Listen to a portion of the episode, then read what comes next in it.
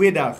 Gedeelte in die woord, gedeelte wat in Hebreëus beteken parasha, wat beteken gedeelte. Nommer 1. Ons is in die begin van Vader se woord waardeur ons vir 'n jaar lank gaan werk. Die eerste gedeelte is in die begin wat in Hebreëus beteken Bereshit. So ons is in die begin en ons gaan saam Vader se woord bestudeer deur die jaar en ons begin in die Torah in Genesis 1 vers 1 tot Genesis 6 vers 8. Dan kry ons in die verdere gedeelte in die Ou Testament wat in Hebreëus beteken Haftarah, Jesaja 42 vers 5 tot Jesaja 43 vers 10 wat ons hierdie week saam bestudeer en dan in die Nuwe Testament wat ook in Hebreëus genoem word Bridesha, Johannes 1 vers 1 tot 17, Kolossense 1 vers 15 tot 17 en Hebreërs 1 vers 1 tot 13. Nou die Torah of soos ons dit ken, die Pentateeg is die eerste en die oudste gedeelte van die oorspronklike Hebreëse Bybel. Min mense het dalk al van die woord Torah gehoor, maar Torah is die Hebreëse naam vir die eerste 5 boeke van ons Bybel: Genesis, Exodus, Levitikus, Numeri en Deuteronomium. Moses, 'n Hebreër, het die Torah op Berg Sinaï ongeveer 1500 jaar voor Christus van Abba Vader self ontvang. Alhoewel ons tipies dink dat Moses terwyl hy die Israeliete uit Egipte en slawerny gelei het, slegs die twee kliptafels waarop die 10 gebooie geskryf was van Abba Vader op Berg Sinai ontvang het, die 10 gebooie was egter net 'n klein stukkie van alles wat Moses met hierdie verskeie reise op en af van die berg Berg Sinai af ontvang het. Moses het in werklikheid die eerste 5 boeke van wat ons die Pentateeg noem ontvang. Torah is 'n woord wat jy nie in ons moderne Bybels sal ontvang nie. In die algemeen vind jy vandag die woord wet waar die woord Torah in die oorspronklike Bybel verskyn het. Hoekom word die woord Torah nie meer in ons Bybels genoem nie? Dit het begin gebeur toe die skrifte in die Grieks vertaal is en bevorder is deur die begeerte van die vroeë kerk om hulle self van die Jode te distansieer. Nou Torah beteken nie wet nie, maar beteken onderrig of instruksies. Met ander woorde, die Torah is Abba Vader, skepper van hemel en aarde se handleiding, self geskryf deur 'n instrument van Abba Vader se hande Moses om my en jou te help op ons lewenspad vorentoe hier op aarde. Die bestudering van die Torah op 'n jaarlikse siklusbasis gaan al vir duisende jare aan. Die heel laaste opdrag wat Moses aan Joshua en die kinders van Israel gegee het voordat hulle die die die beloofde land ingegaan het, was dat hulle die Torah moes ter harte neem en dit is net voor Moses tot sterwe gekom het. Ja, in Deuteronomium 32 vers 45 tot 47 staan en toe Moses met al hierdie woorde die hele Israel klaar toegespreek het, sê hy vir hulle: "Gee ag op al die woorde waarmee ek julle vandag waarsku, dat julle dit jul kinders beveel om al die woorde van hierdie wet sorgvuldig te hou, al die woorde van die Torah sorgvuldig te hou." Want dit is geen vergeefse woord vir julle nie, maar dit is vir julle lewe en deur hierdie woorde sal julle die dae verleng in die land waarheen julle deur die Jordaan trek om dit in besit te neem. So jare later het geleerdes die hele Torah, die eerste 5 boeke in 54 porsies opgedeel of gedeeltes opgedeel sodat dit 'n bestudering van Abba Vader se woord is reg deur die jaar. En hierdie week is byvoorbeeld week 1 Byvoorbeeld die gedeelte of hierdie porsie vir die week is Genesis 1 tot Genesis 6 vers 8 en die gedeelte in die Torah vir die week behels Genesis 1 vers 1 wat 6 dae van die skepping en die Sabbat vir ons illustreer, dan Genesis 2 vers 4 nog 'n verslag van die skepping, Genesis 3 vers 1 die eerste sonde en die straf daarvan, Genesis 4 vers 1 Kain vermoor Abel, Genesis 4 vers 17 begin van die beskawing en Genesis 5 vers 1 Adam se afstammelinge tot by Noag en sy seuns. Dan Genesis 6 vers 1 die goddeloosheid van die mensdom. En dan Genesis 6 vers 9 6 eh, vers 9 Noag behaag Abba Vader. Dis die gedeelte in die wat ons bestudeer saam in hierdie week wat genoem word die begin of Bereshit. Die gedeelte in die Haftarah, Haftarah, die ander gedeelte in die Ou Testament wat ons in hierdie week saam bestudeer word, behels Jesaja 42 vers 1 die diensneg, 'n lig vir die nasies. Jesaja 42 vers 10 'n loflied.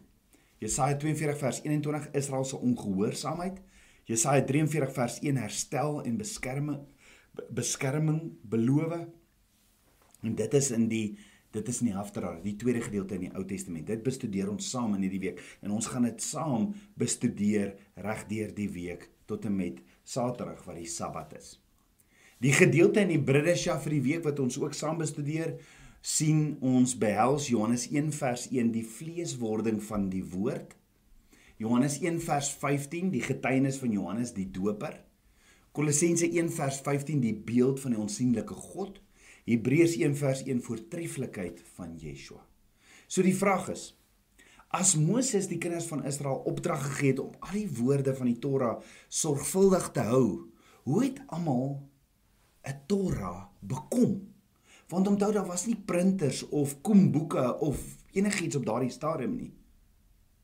Hoor gou selfs as ons kyk hoe die Torah, die eerste 5 boeke in die woord beskryf is, sien ons 'n tipologie van ons verlosser, Yeshua.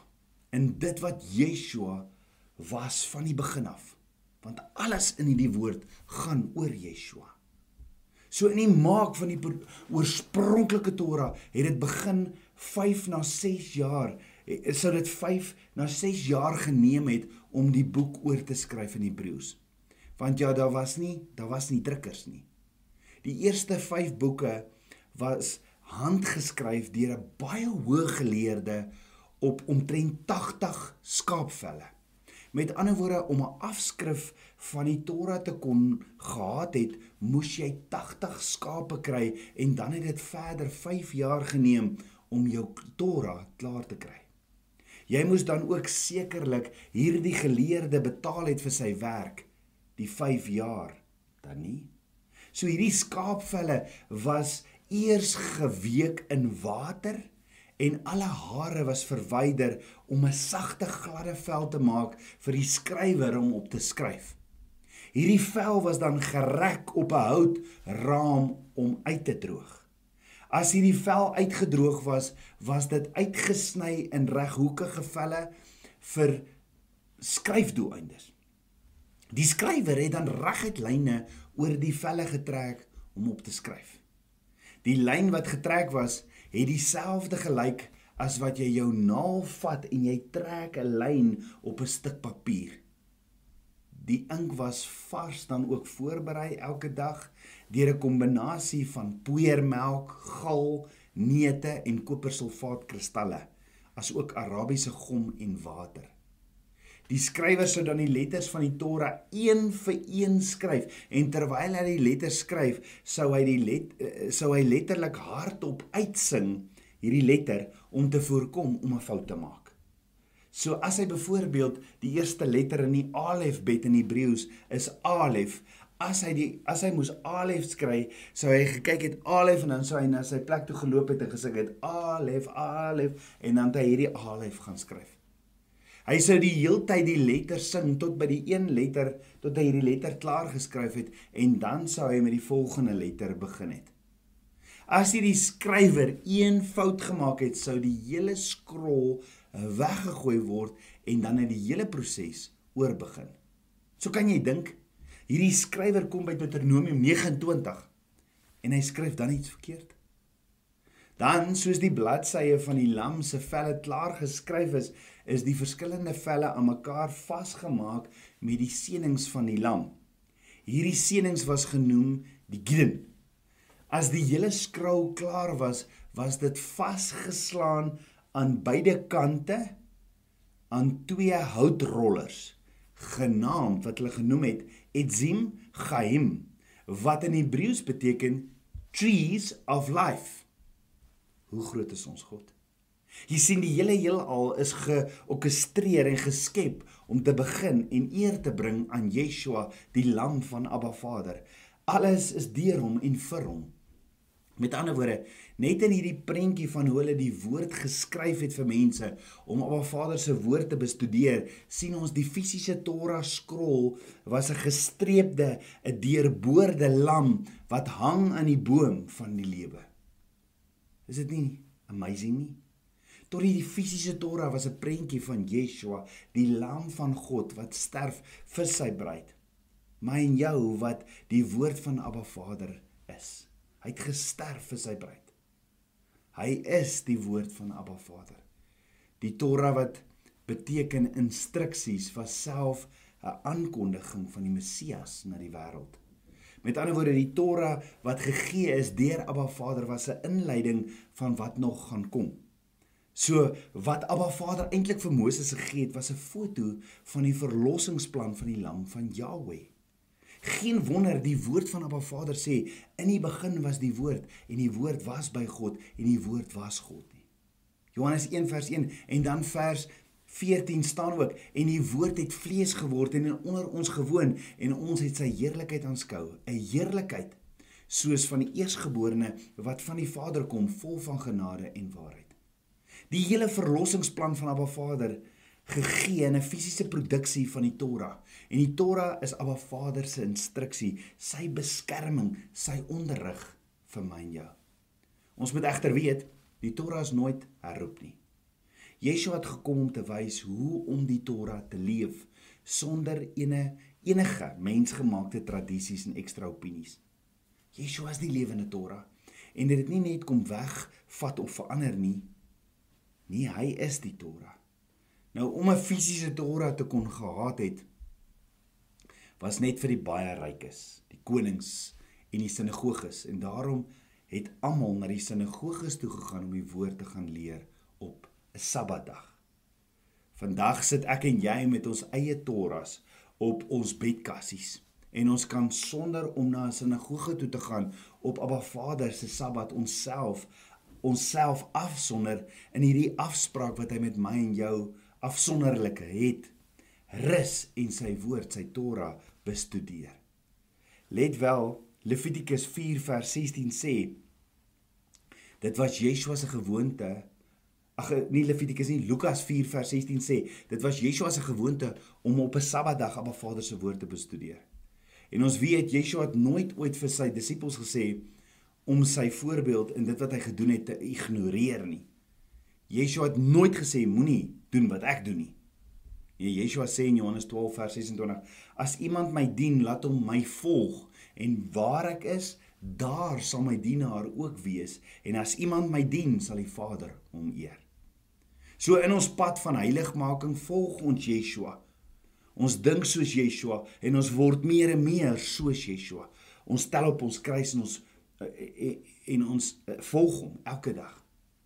Hier sien die hoogste vorm van aanbidding is as ons 'n Vader se woord bestudeer, dit mediteer en bepeins dag en nag. Net soos al die ander Hebreëse seentjies van Yeshua se tyd, het hy die Torah, het Yeshua die Torah uit sy kop geken en moes hy tydens sy bar mitzwa op die ouderdom van 12 die spesifieke Torah porsie wat op daardie dag in die sinagoge gelees het, voorsê. Ja Lukas 2 vers 46 tot 47 sê en na 3 dae het hulle hom in die tempel gevind terwyl hy in die midde van die leraar sit en hulle luister en hulle uitvra. En almal wat hom gehoor het was verbaas oor sy verstand en sy antwoorde. Met ander woorde dit was dit dit was oor die uitleg van die woord wat Yeshua almal verstom het op die ouderdom van 12. Nie oor die feit dat hy die Torah porsie uit sy kop uit geken het nie. Toe Yeshua jare later in Nasaret kort voor sy kruisiging gaan staan het en uit Jesaja 61 gelees het in die sinagoge, was dit nie sommer net 'n gedeelte deur homself gekies nie.